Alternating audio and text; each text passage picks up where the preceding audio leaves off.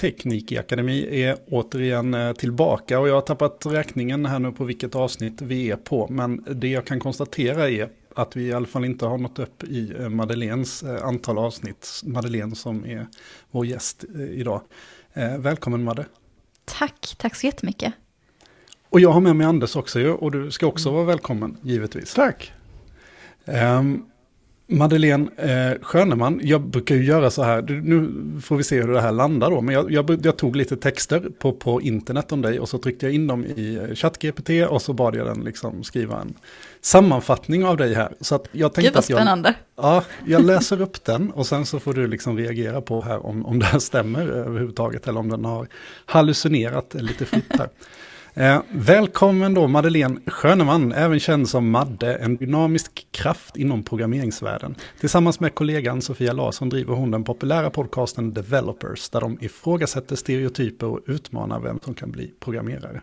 Framstående som utvecklare, Scrum Master och produktchef har Madde en passion för att skapa produkter som gör en verklig skillnad för användarna. Hon är engagerad föreläsare, konferensarrangör och hennes podcast är en unik mix av teknisk kunskap, yrkesråd och humor.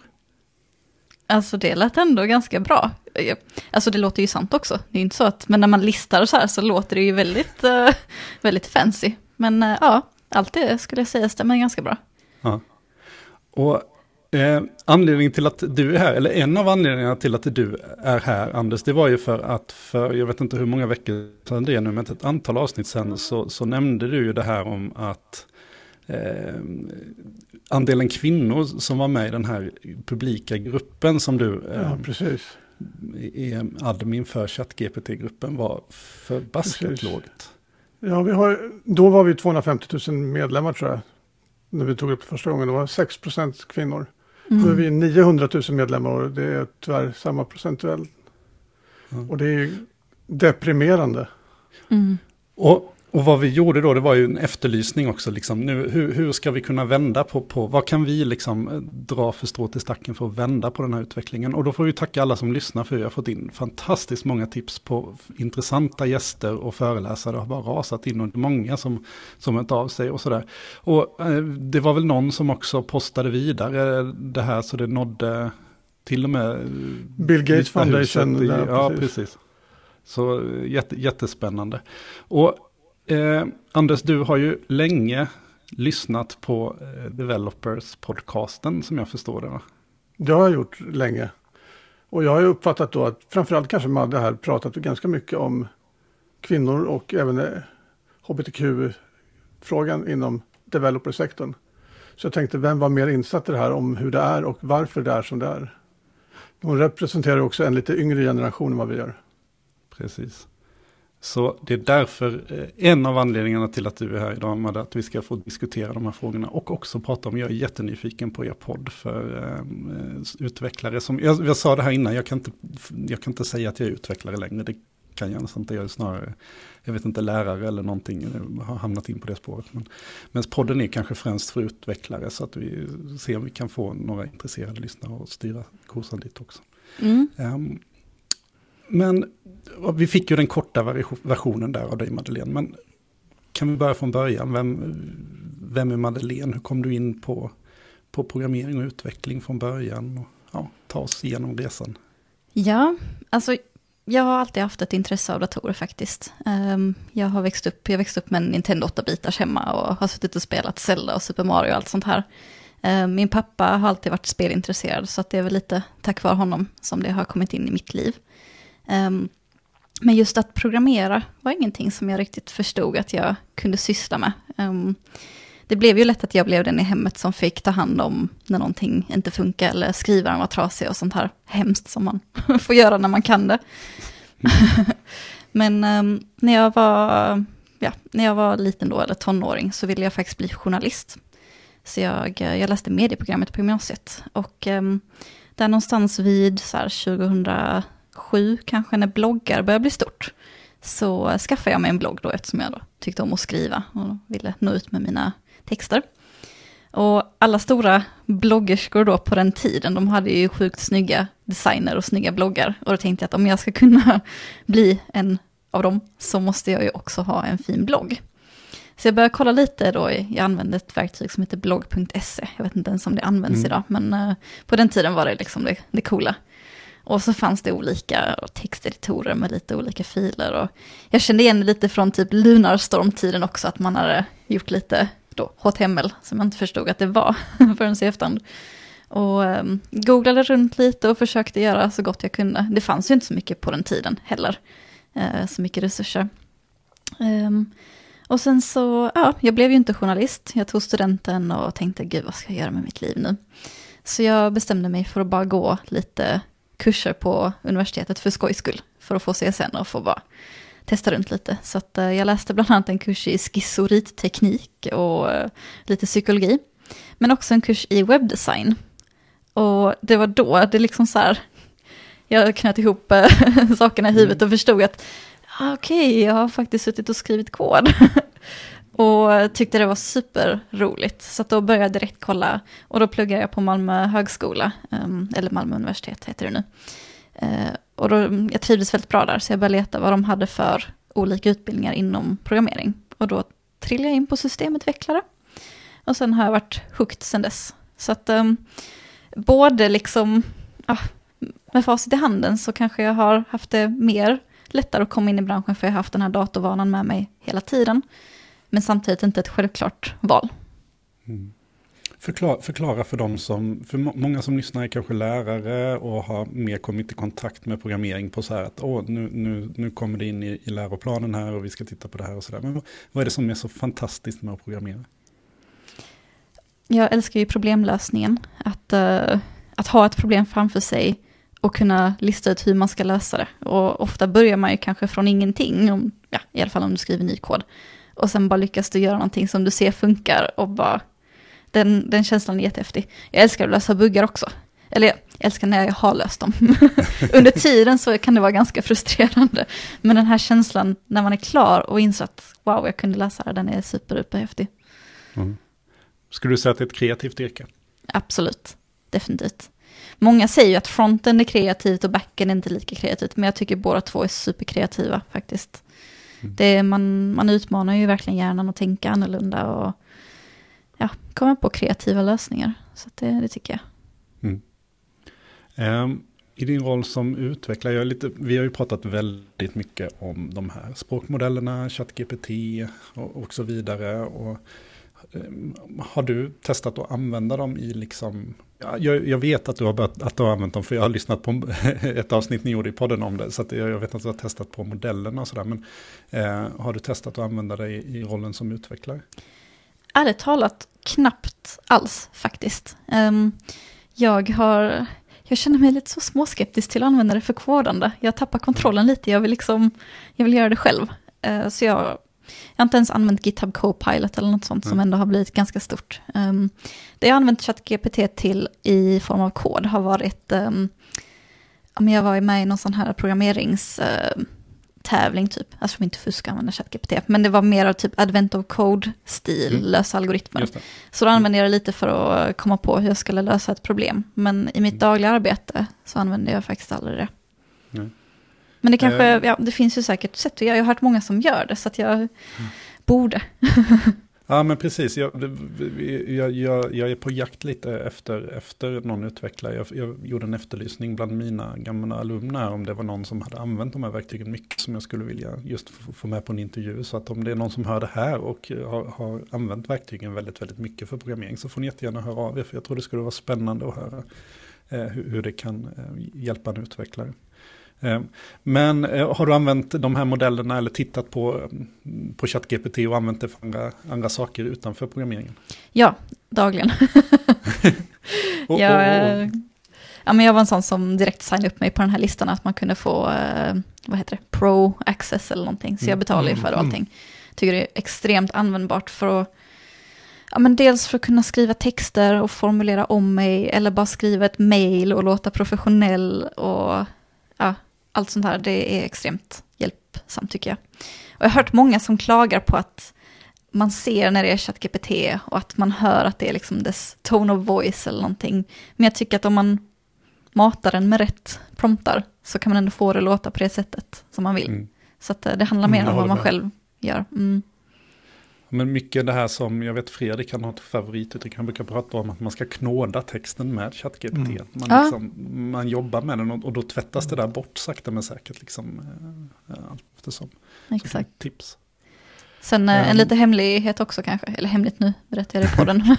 men äh, jag skulle göra en presentation som jag var lite sen på. Så jag körde hela, jag bara förklarade för ChatGPT vad den skulle handla om. Och så bara, ge mig tio slides om det här. Okej, okay, fick jag tio topics. Jag bara, okej, okay, utveckla det här till liksom 250 ord ungefär. Och sen så blir den ganska tråkig, så jag bara, okej, okay, men skriv om det med lite humor och så här. Och så till slut hade jag en färdig presentation. Det var asnice. Känner inte igen det där. Kände det, nej, nej, verkligen. har inte heller gjort det. Men, Ja, men det, absolut, och det, det, är ju just det där att få ut outlinen och liksom, mm. ja, det är grymt. Jag använder också väldigt, väldigt mycket som... Mm. Eh, eh, om vi, vi, vi glider in lite på, eh, jag tänker vad, vad, vad, vad, när du hör de här, att det är 6% kvinnor liksom som är med i de här grupperna. Vi, tittar vi på den här podden så, så ligger vi på, på vad sa vi, ändå 25-30% ja. där någonstans. Så det är lite bättre i alla fall. Mm. Eh, så. Vad, vad tänker du om det? Vad är första liksom, tanken? Ja, alltså jag är inte förvånad. Det är ju så det ser ut i många forum. Och eh, i branschen i stort också ser det inte särskilt mycket bättre ut. Man pratar ju ofta om att det är kanske runt 22% kvinnor i techbranschen. Men då räknar man ju mm. oftast kvinnor i alla roller på ett techbolag. Som kanske HR eller rekrytering eller andra typiska kvinnodominerade roller. Så att eh, om man kollar rent antalet utvecklar, utvecklare i sig i branschen så ligger det nog där runt kanske nio på sin höjd skulle jag tro. Så att ja, det kanske inte är så, så dåligt i alla fall. Nej, eh, och, och då får man ju börja kanske där då. Varför har det... För du har ju varit med ett tag även i, eh, i, i it-branschen och, och, och techbranschen. Och min bild är ju att jag det blir ju bättre hela tiden. Det, det, det, det, liksom, det går inte rakt upp kurvan, men, men jag tycker att det är ändå ett, det går åt rätt håll hela tiden, men det har tagit väldigt, väldigt lång tid. Mm. Ja men det, det gör det verkligen. Jag ser också en trend att det går på rätt håll så att säga, eller att det blir fler och fler kvinnor. Jag tycker man ser det mycket på till exempel YH-skolor, så kommer det in fler och fler tjejer. Och det tycker jag är fantastiskt kul. Och ja, vad beror det på egentligen? Alltså jag tror att om man tittar på eh, de små barnen som växer upp idag så känns det som att det är mycket mer accepterat att spela dator eller liksom vara intresserad, annat än vad det var när jag växte upp. Um, jag kommer ihåg när jag spelade, jag spelade World of Warcraft till exempel. Och då var det fortfarande så här, va? Är du tjej och spelar? Men varför mm. spelar du det? Är det för att imponera på någon kille? Eller liksom så här. Som att jag lägger min fritid på det, liksom. jag, jag gör det för att jag tycker det är kul. Medan nu med Minecraft och ja, alla spel som, barnen kanske inte ens spelar Minecraft längre, det kanske jag som är en gammal modig, men det finns något annat coolt nu. Men jag ser det mer och mer, att det kommer tidigare och tidigare och att det intresset lever kvar längre. Så det tycker jag är superpositivt. Mm. Hur upplever du att det, var, det är att vara kvinna i, i liksom alltifrån utbildning då till till eh, techbranschen så som den ser ut idag? Har du märkt någon skillnad? Av det? När jag pluggade så var vi ganska, alltså 12-15 tjejer kanske från början. I en klass på 100 då, så det är ju mm. fortfarande 10 procent. Men ehm, det var ju fler och fler som hoppade av och i slutändan, sista året var det bara jag kvar. Och det var bara jag som var en tjej som tog examen. Så det var ju såklart lite ensamt, men samtidigt jag bryr mig inte på det sättet så. Det, jag är inte rädd för killbacill liksom. Men eh, det är klart att det är skönt att ha någon annan som är som en själv. Som man kan prata med och ha det här lilla trygga rummet som man kanske vill ha ibland. Mm. Och känna sig att man inte alltid är den som är annorlunda än alla andra. Um, men i branschen, um, jag skulle säga att det är väldigt olika beroende på vad man är. Um, där jag jobbar så känner jag mig jag känner mig som vem som helst. Jag känner mig inte som mm. någon speciell bara för att jag är kvinna. Och jag känner mig varken bättre eller sämre liksom. Medan um, ja, något konsultuppdrag jag har varit på har det varit kommentarer om hur jag klär mig och att jag går i klackar och att det uppskattas och sånt här som bara är mm. olämpligt. Um, mm. Och på andra ställen har det ja, inte varit någonting. Så det, det är väldigt varierande. Det är ju människor man jobbar med och mm. douchebags finns ju lite överallt tyvärr. Mm du nämnde ju det här med, med just förebilder och så. Där tänker jag ju podden måste ju vara en alltså, klockren förebild eh, för, för, för många tjejer som, som ger sig in i, i liksom karriären. Och jag tänker det måste ju vara just att jobba med förebilder. Vi har försökt göra det jättemycket i utbildningen, att hela tiden liksom, eh, lyfta alla möjliga perspektiv. Eh, och frågan är hur, hur, hur, hur, hur vi kan omvandla det till liksom situationen idag då med, med ChatGPT och sådär. För det, det, märker ju vi, Anders, vi har ju tagit en ganska så här progressiv roll kring kring liksom att, att evangelera för, för, för de här verktygen och för AI och sådär. Och när vi tittar runt och, och, och tittar på konferenser och, och, vilka som signar upp på det, alltså, det är ju mest män i vår situation som är de som tar den rollen också. Och det, det är ju synd. Frågan är hur vi vänder det. Ja, det, som du säger, förebilder är verkligen superviktigt. Jag eh, när jag pluggade så hade jag inte någon förebild. Jag letade verkligen efter, finns det någon annan framgångsrik tjej som har pluggat eller som jobbar som utvecklare? Och Twitter är ju ändå ganska, där finns ju ganska många kvinnliga utvecklare, men jag har aldrig riktigt fastnat för Twitter. Och, eh, Instagram kom ju lite senare efter jag pluggade tror jag. Men eh, jag har försökt kolla där också och inte riktigt hittat någon. Även om det är mer nu. Det, jag ser en stor skillnad på hur det var för liksom, tio år sedan när jag pluggade eh, än idag. Så att eh, det kommer mer och mer förebilder, det är superbra. Um, någonting jag också tror att man ska tänka på är att det finns ganska många forum där det bara är tjejer. Um, så jag är säker på att det finns något, någon ChatGPT-grupp säkert som mm, är för kvinnor. Um, jag är själv med i flera Facebook-grupper till exempel som är för mm. kvinnor som utvecklar och liknande. Och som sagt, det kan vara lättare ibland när man är i minoritet och faktiskt bara omge sig med folk som är lika som en själv. Sen är det klart att det är bra att få olika perspektiv och så också. Det är därför vi vill ha mångfald. Det är därför vi inte bara vill ha män, men vi vill inte bara ha kvinnor heller. För då skulle vi bli Nej. väldigt homogena på det hållet istället och det är inte bra.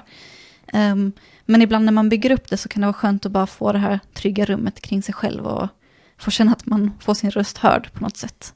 Mm. Um, men det har ju en tendens man... att bli lite överkörande kanske man ska kalla det för en del grupper. Det är många mm. som killgissar på ett väldigt självtydligt, självklart sätt. Ja, absolut. Och kan ha en ganska rå ton ibland också. Ja, det, tyvärr. tyvärr kan det ju vara så, absolut. Ofta är det ju de personer som, som hörs mest som, alltså de representerar ju, det blir ju att de representerar många, även om de inte är mm. som majoriteten. Nej. Majoriteten är ju schyssta. Men um, man får ju dåliga vibbar. Definitivt. Jag tänker lite grann där, vi är ju ganska fokuserade på eh, programmering och dator just nu, men ChatGPT och GPT, det är ju egentligen så pass mycket mer, det är så pass mycket bredare för andra kreativa yrken också egentligen. Men jag ser fortfarande samma deprimerande spridning, trots att den påverkar den grafiska branschen, reklambranschen, all, allting som är lingvistiskt såklart. Jag undrar lite hur det är med Alltså man lever ju i sin bubbla på något sätt också. Mm. Till exempel om jag sitter på TikTok och kollar. Um, så får jag ändå upp ganska mycket kvinnor som gör saker med ChatGPT. Det kan vara allt ifrån att de... kan vara allt från att de... Um, ja, men de har promptat ett uh, virkningsmönster. Och så sitter mm. de och virkar sin lilla... Um, ja, någon form av djur eller vad det kan vara. Ja. Det blir väldigt konstiga mönster ibland kan jag säga. eller att det är att de har ChatGPT har kommit på något recept som bakas eller vad som mm. helst. Så att jag får ändå upp ganska mycket sånt. Så det kan ju jo, men det, kan det, menar, det, är så, det, det, är så väldigt, väldigt bred plattform. Och ändå blir det en så smal grupp kvinnor som dyker upp i de här grupperna. Mm. Eller så är det för att det känns som att det känns teknikartat på något sätt ändå. Jag vet inte. Jag tror att just ChatGPT är kanske lite annorlunda än andra tekniska. Mm. Um, alltså som att börja koda till exempel. Mm, för att mm, ja, ja, jag tror att många tänker inte att det är kod, på, eller teknik, att det är teknik på det sättet, utan det är en ny cool grej som man testar på. Och, ja, visst. Um, särskilt i kanske lite yngre generationer. Ja, det är just därför jag tycker att det är så konstigt att man ser samma tråkiga spridning, trots att det borde vara en mer homogen, i och med att det är spridd över fler användningsområden. Mm. Men det, det kan ju ha med gruppen att göra i och för sig också. Men jag har hört samma från andra moderatorer i andra grupper att det är så här det ser ut, tyvärr. Mm. Och, jag tänker på, du, du nämnde ju att du använder ChatGPT och sådär. Eh, Har du testat Midjourney och, och, och generera bilder och sådär också? Eller har du hållit det till text? Ehm, jag är medlem i eh, Midjourney Discord-kanalen och kollar på allas bilder som jag tycker är helt fantastiska. Men jag har faktiskt inte testat att generera någon själv. Ehm, jag har använt um, Dali, eller Dali, Mm. eller hur man säger. Mm. Eh, som är kanske lite annan nivå än uh, Midjourney. Eller så är det bara jag som inte ger bra instruktioner till den. Ja, jag, jag tycker nog också Midjourney är, Ja. är, är, är Vassare än allt. alltså. Ja. Ja. Men passa dig för det är ett gift när du väl börjar. Och när du väl har Ja. skrivit din första prompt sen då, då är du fast för att alltså det är så fantastiskt roligt. Eh, Jag, jag har sagt det förr i podden men just där, jag, jag har liksom aldrig varit konstnärlig, liksom att jag har inte kunnat rita speciellt bra och sådär. Men helt plötsligt så bara har man fått liksom, lite som när man upptäckte programmeringen, att man bara såg det här superverktyget liksom som Mm. gjorde att man bara, wow, jag kan göra nästan allt. Så här. Jag har ju fått det, liksom, det här är min pensel nu som jag har upptäckt, liksom, att jag kan bara, jag kan ta vilka foton jag vill, jag kan generera vilken konst jag vill, liksom, genom att bara skriva och det är så lätt och det blir så fantastiskt och man blir överraskad hela tiden liksom, av, av, av liksom kreativiteten. Sen kan man bli jättefrustrerad också när man, när man fastnar När det inte blir som man liksom vill. bara, ja men man vill ha en bild och så försöker man och det går inte. Man får inte till den där bilden så som man vill ha den. Liksom, Mm. För man skulle ha en speciell bild till en presentation eller någonting. Men jag kan verkligen rekommendera det att testa. Och speciellt om du föreläser och sådär. Just att kunna generera sina egna bilder till, till slides Mm. och så. Och inte behöva tänka på. Ja, men det har jag gjort med eh, Dali då. Då um, hade jag renässanstema på min eh, presentation. Um, det handlade om olika, um, vad ska man säga, stereotyper av teammedlemmar. Så då hade jag till exempel um, ja, men Umberto the Unbeatable som var någon så här löpare i renässansstil. Det var fantastiskt roligt faktiskt att ta fram de här. Men jag tror att anledningen att jag inte har provat med Journey är att jag tycker det känns lite krångligt. Alltså att. det, det är inte helt Men- straightforward hur man sätter sig in i och börjar generera.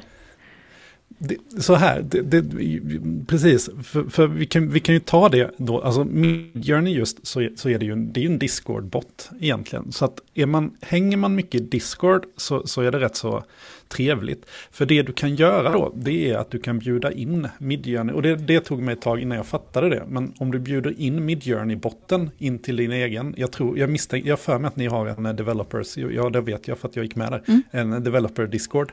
Eh, då skulle man kunna till exempel där bjuda in eh, developer, eller den här Midjourney-botten från Midjourney till ett antal kanaler eh, i, i Discord. Och då är det bara att sen köra mot den. För går man in i den här Midjourney-discorden, då bara det bara rasar Ja. på med, liksom, med prompter som andra skriver. För då blandas allt i en stor mix och det bara, bara hoppar runt. Och man, alltså, det är fruktansvärt eh, irriterande när man ska försöka generera något. Men när man har den i sin egen server, då är det ju bara en, en själv där. Eller andra som också prenumererar på Midjourney som kan generera bilder. Då.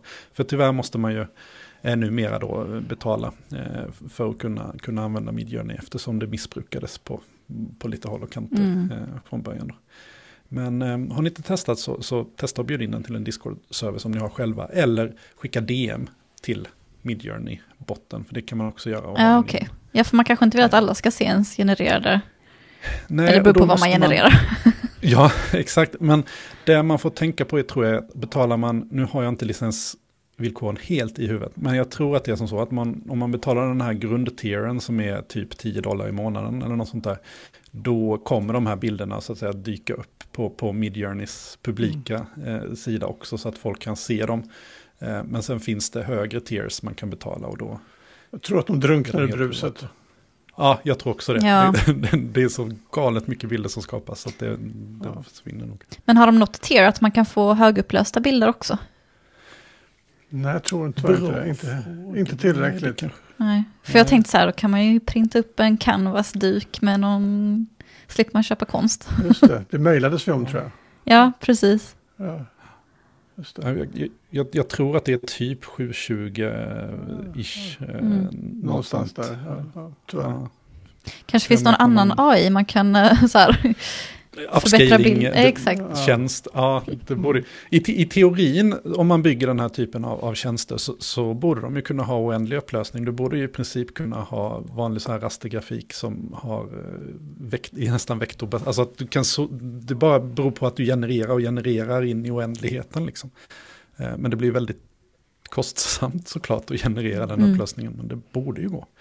Eh, Ja. Jag tycka. Ja, men jag ska kolla på det, jag lovar. Ja, det. Det är då vi får de här CSI, liksom jag kan titta i ögonen Åh, på, på roboten bakom, bakom Anders där så kan vi se vad, vad den roboten ser i sin, liksom. Alltså det är verkligen min Fantasi. pet peeve, programmering på tv, när de drar upp så här typ Echo Hello World eller någonting. Tycker att det är världens hacker. Precis, ja, man, det är ju, man, man stör ju sig på väldigt, väldigt mycket. Jag minns jag såg, vad var det, eh, Lisbeth Salander när den kom för, för ett antal år sedan. Och nu kommer jag inte ihåg vad, vad hacken som sitter nere i någon källare där. Och liksom så här.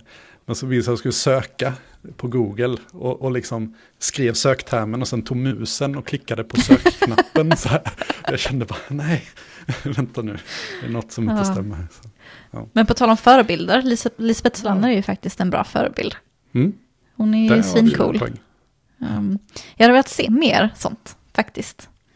Ja, Um, Ja. i, i tv rent Ja. allmänt. Eller programmeringsyrket rent allmänt kan jag tycka. Och sen även lyfta kvinnor i programmering. Ja, men för mycket, när man lyfter fram programmering i media så handlar det ju oftast om ja, men den här stereotypiska bilden av en eh, svettig snubbe i källaren som dricker Jolt Cola och liksom så här, det är så himla förlegat. Alltså det är inte schysst mot män heller, tänker jag. Alltså så här, och det är helt okej att sitta i källaren och dricka Jolt, det är inte det jag menar. Men att alla ska se ut så, det blir väldigt ensidigt.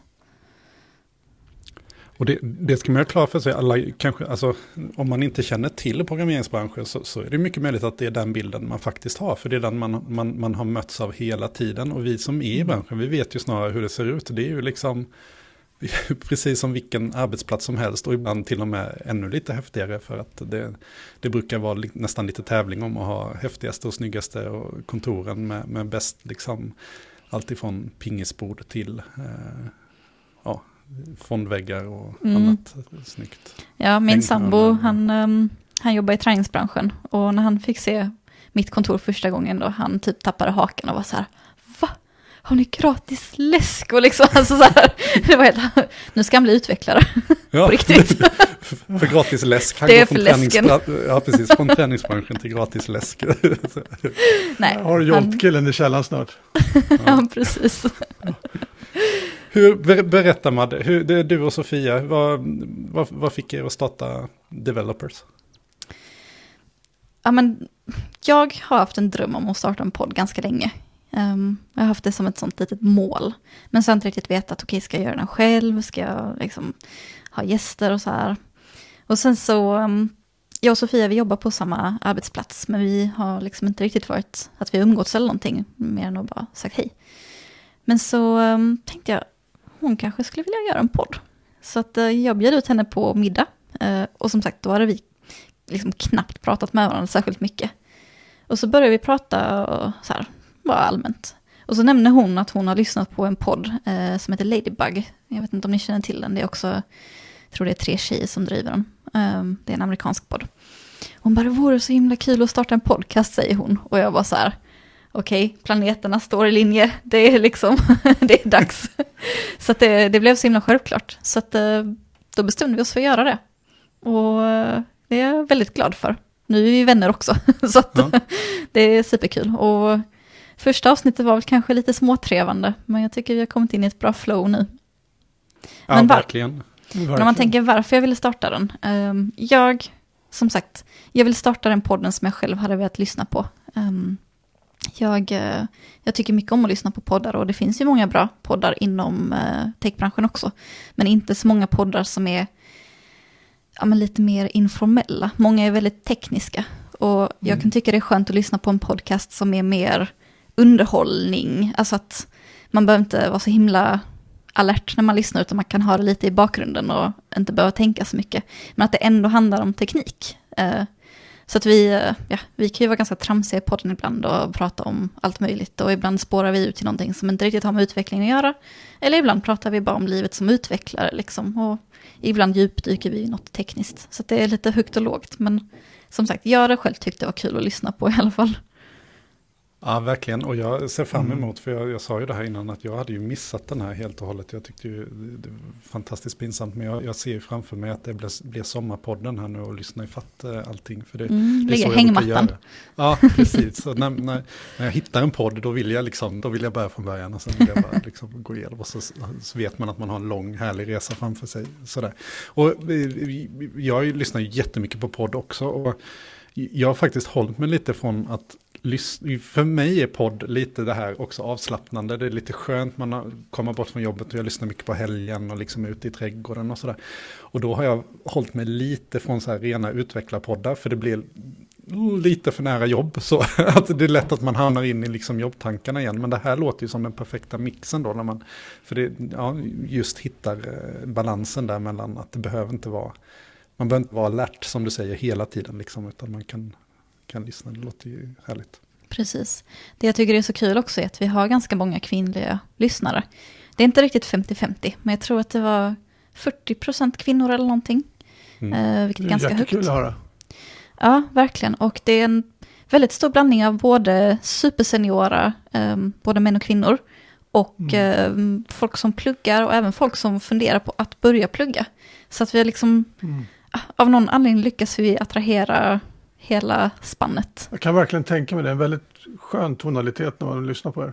Ja, skönt, kul att höra. Ja, ja. Och du Anders till exempel, du mejlade in efter att vi hade gjort ett avsnitt om um, olika bildformat och då förklarar ju du gick in djupt på olika komprimeringsalgoritmer och just grejer. Just, just det, JPEG-grejen där. Ja. Exakt, och ja. det är liksom inget, eh, så, det har hänt flera gånger att folk har, mm. ja men vill förklara mer eller kanske har någon intressant artikel som bygger vidare och mm. hela den grejen blir ju superrolig och vi lär ju oss supermycket hela tiden också. Så att det är härligt men jag utbyte. kan tänka det, jag, jag skulle själv liksom uppskatta om jag fick den typen av feedback, det är jätteskönt liksom.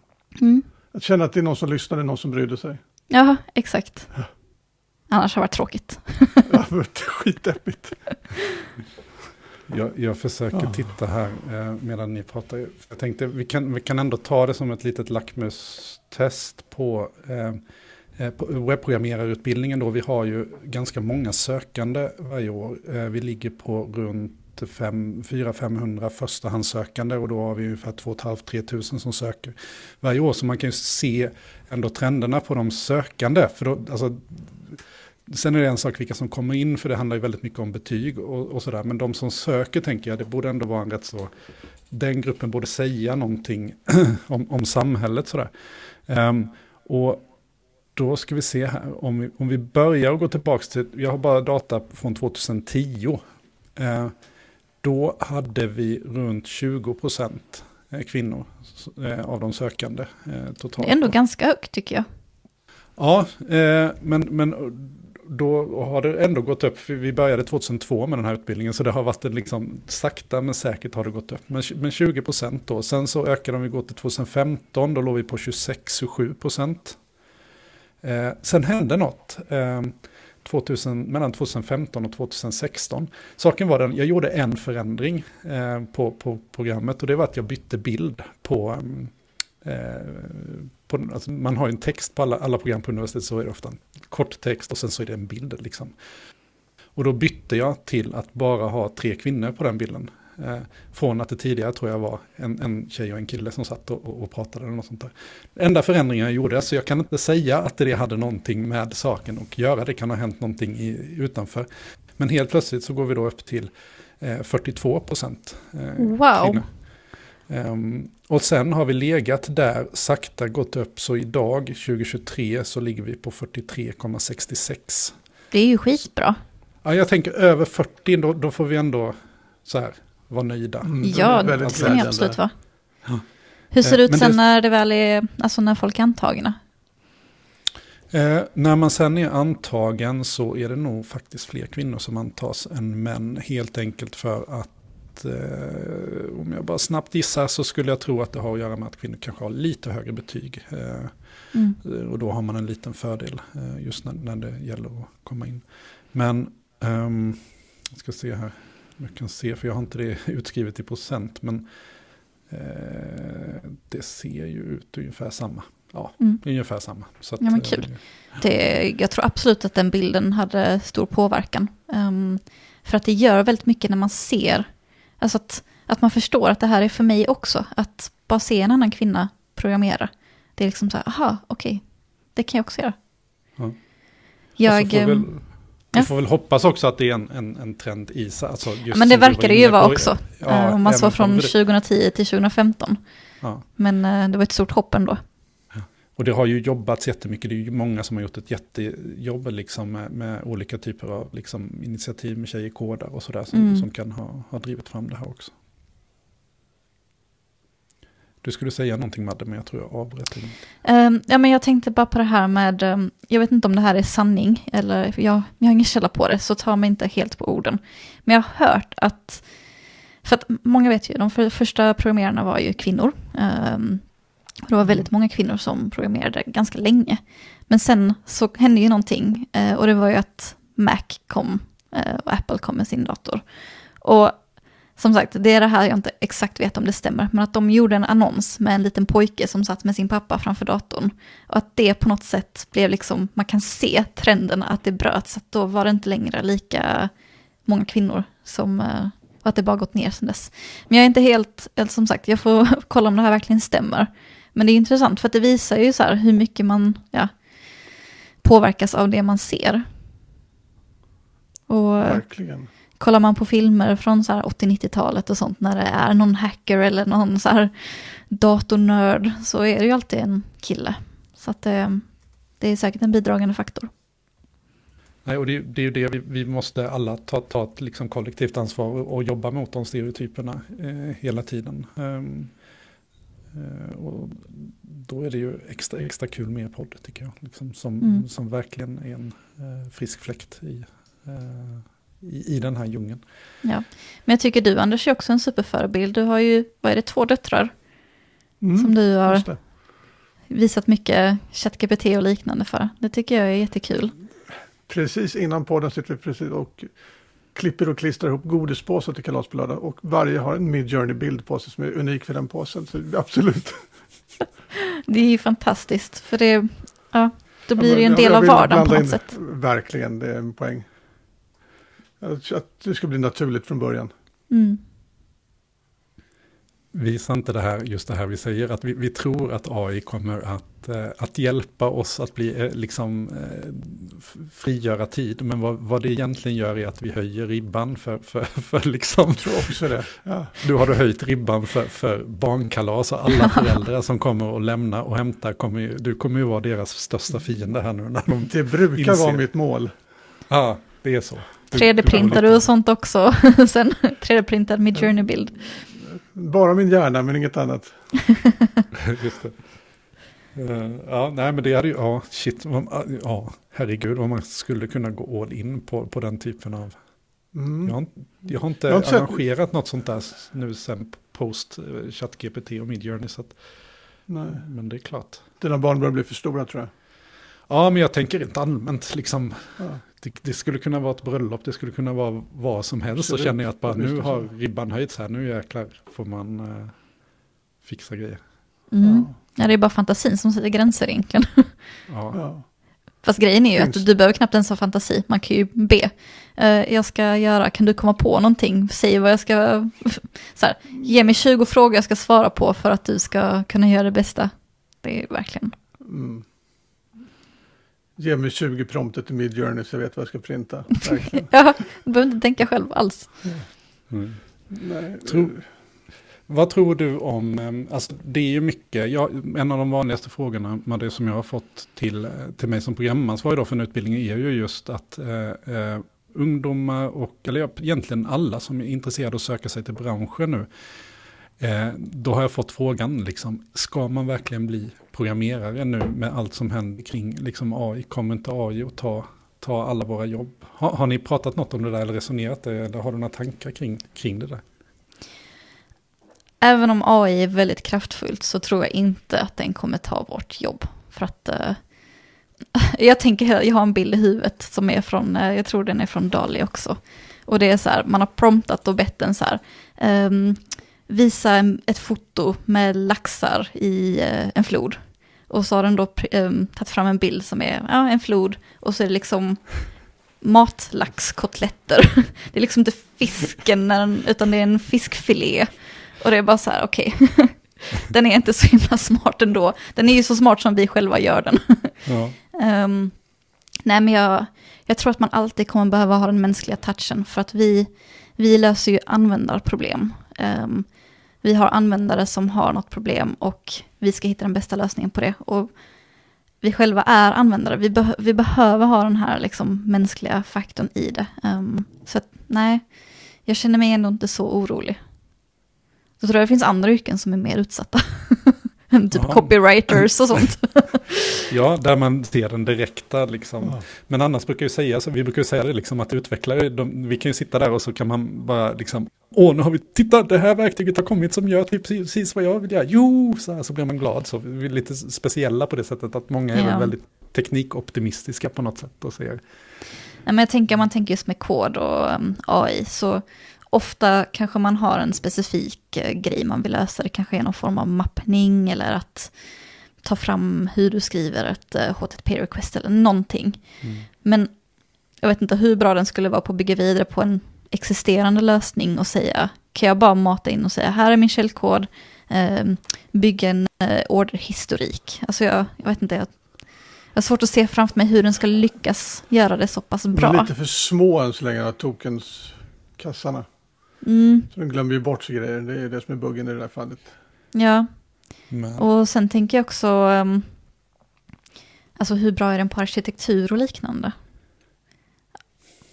Så att, ja, ja. jag vet inte. Mm. Jag, jag, tror inte att uh, vi ska vara för oroliga. Det, det, man skulle kunna tänka sig där, vi har diskuterat det lite i korridoren, också kopplat till arkitektur, men att, att man skulle kunna ta de här lite enkla modellerna som kommer nu som man kan träna lokalt. För det, det är ju hela den där frågan också, vart vill man skicka sin kodbas egentligen? Och, ja, det, det är kanske inte allt man bara kan, kan dra iväg till OpenAI hur som helst och så.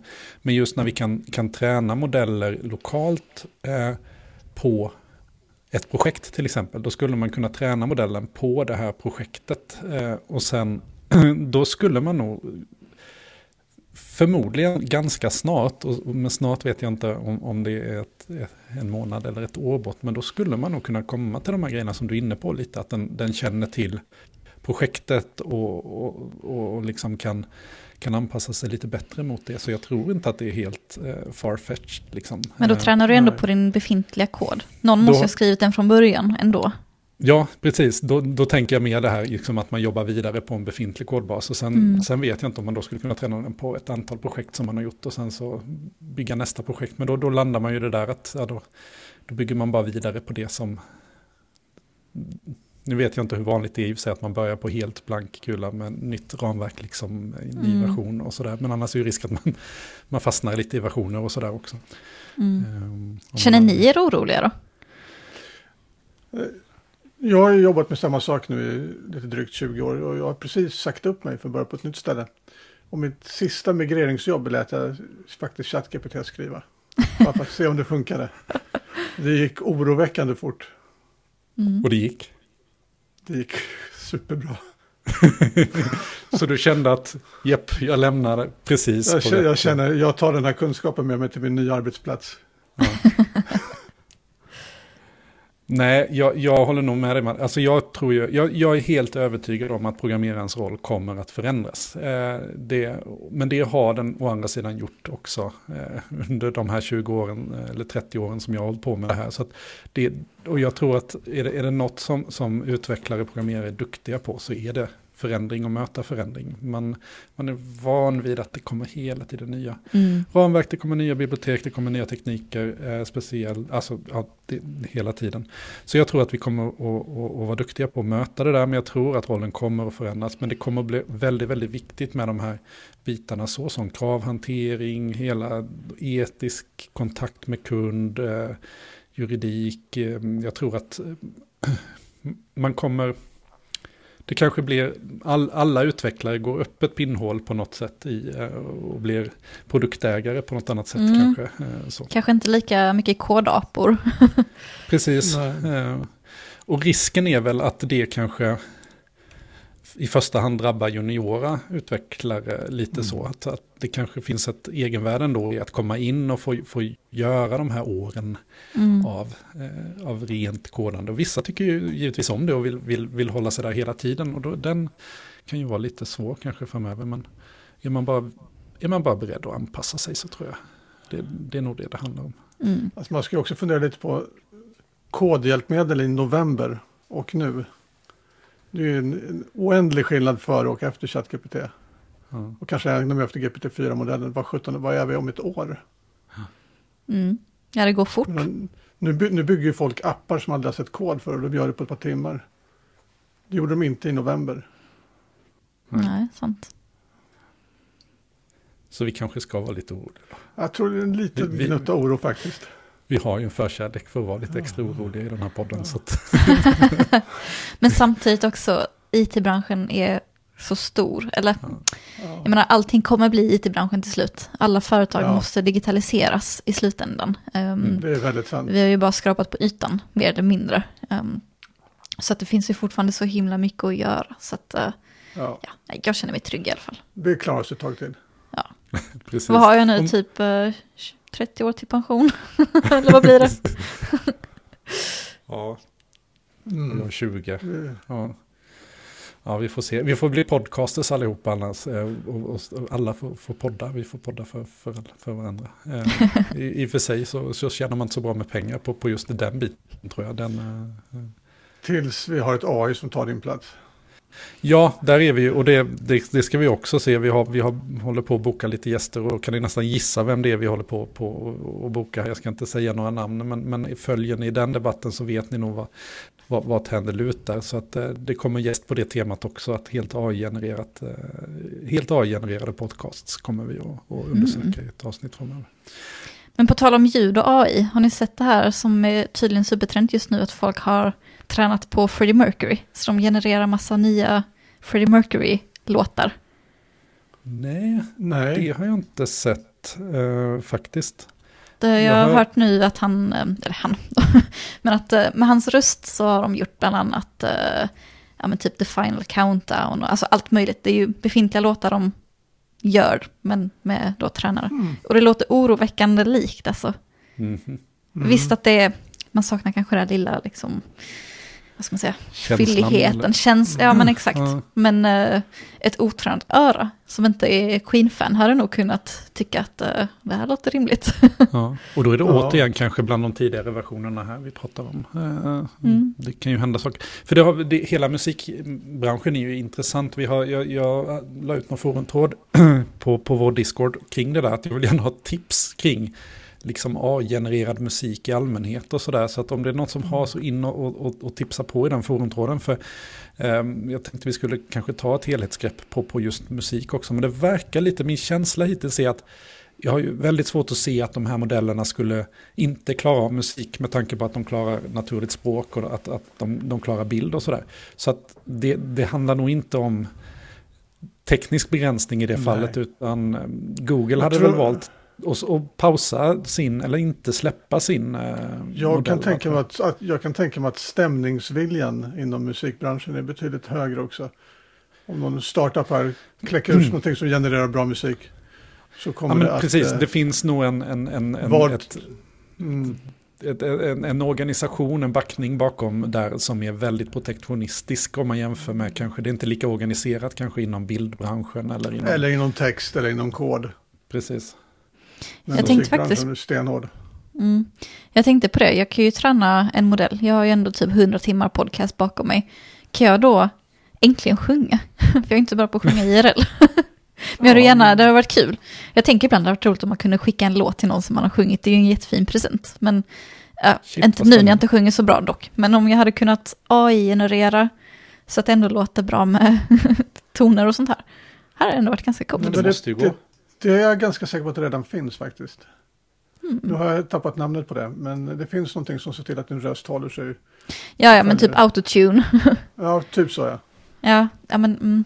Fast man skulle vilja att den känns- inte, istället för att den autotunar så skulle man vilja att den liksom bara hamnar rätt direkt. Så, så Men jag vill inte behöva sjunga överhuvudtaget. Jag tänkte att den bara kunde Ja, generera det tänker hos mig. Ah, träna på din röst, ja men det Ja. låter ju rimligt. Frå- Frågan är om den kan, kan man utifrån hur en person talar, undrar om man kan liksom härleda då hur den personen sjunger, om det finns ett liksom ett till ett förhållande däremellan, eller man måste faktiskt träna den på, på sång. Men risken är då, och kan man inte sjunga bra så kommer man ju träna den på falsk sång. Så då Exakt. kom, Men jag såg Ja. någon som hade gjort det liknande på Barack Obama. Jag vet inte om de, för jag kan ju inte tänka mig att de har så jättemycket att träna på när han har sjungit. Ehm, Nej. men det lät ju ändå helt okej. ja. Det ja, jag kanske skulle går. säga att det går. Jag skulle tro att det går. Men då får man ju den där, det, ja, jag, nu blir jag jätteintresserad. Eh, för, precis som jag sa med att jag liksom helt plötsligt kan jag kri- liksom måla och sådär. Alltså helt plötsligt kunna sjunga. Alltså vilken, vad häftigt. Då skulle man ju, då skulle man ju gå ner i det kaninhålet och sitta och, och generera musik dagarna i ändan. Det är ju livsfarligt. Men spännande. Mm. Eh, Ja, så men vi efterlyser då, har ni tips på bra liksom, musikverktyg och speciellt det som Madde sa, om, om, om man kan träna sin egen eh, liksom, via sin röst och få, få den att sjunga så skulle det vara jättespännande om vi, vi, vi, vi får reda på det. Då ska jag se till att vidarebefordra det, det, det till dig där Madde, om, om, om det, Ja, det dyker in. Det har varit jättekul att ha med dig och jättetrevligt att, få samtala kring de här frågorna och eh, Ehm, jag vet som sagt vad jag ska göra i sommar eh, genom att lyssna på er podcast. Den finns ju givetvis länkad här nere också för de som är intresserade. Kan man lyssna på den även, skulle du säga, om, om jag är inte så här, jag tycker det här med programmering verkar lite spännande. Men jag är inte en utvecklare, jag har inte liksom lärt mig, jag kan inte programmera. Kan man lyssna på er podd då? Ja, men det tycker jag faktiskt. Ehm, en liten hint är att vi på varje avsnitt har en typ så här nördighetsskala från 1 till 5. Så kan man kanske hålla sig till de som ligger på 1, man kanske inte tar den som är femman, för det kan bli lite för tungt kanske. Men ehm, Mm. jag tror absolut att det finns många avsnitt som är lyssningsbara. Om man vill följa dig, vad gör man det? LinkedIn? Man kan följa mig på LinkedIn, ehm, man kan följa på Instagram. Eh, jag vet inte om min privata är så jätterolig, men jag heter Nej. Maddes minnen i alla fall. Eller Developers Podcast om man vill följa oss där. Mm. Ehm, jag är inte så jättebra på sociala medier faktiskt överlag. Har vi glömt att fråga något? Hmm. Ja, jag vet inte. Jag tycker vi har pratat ganska mycket. Ja, det har varit jätte, jättetrevligt. Eh, ha en himla skön vecka allihopa. Eh, så, så hörs vi. Och in i discorden, in i vår discord, in i, i developers discord om, om ni eh, eh, eh, vill, vill prata vidare där också. Mm. Och med det så önskar vi alla en eh, fantastiskt trevlig vecka. Hej på er! Tack och Hej hej.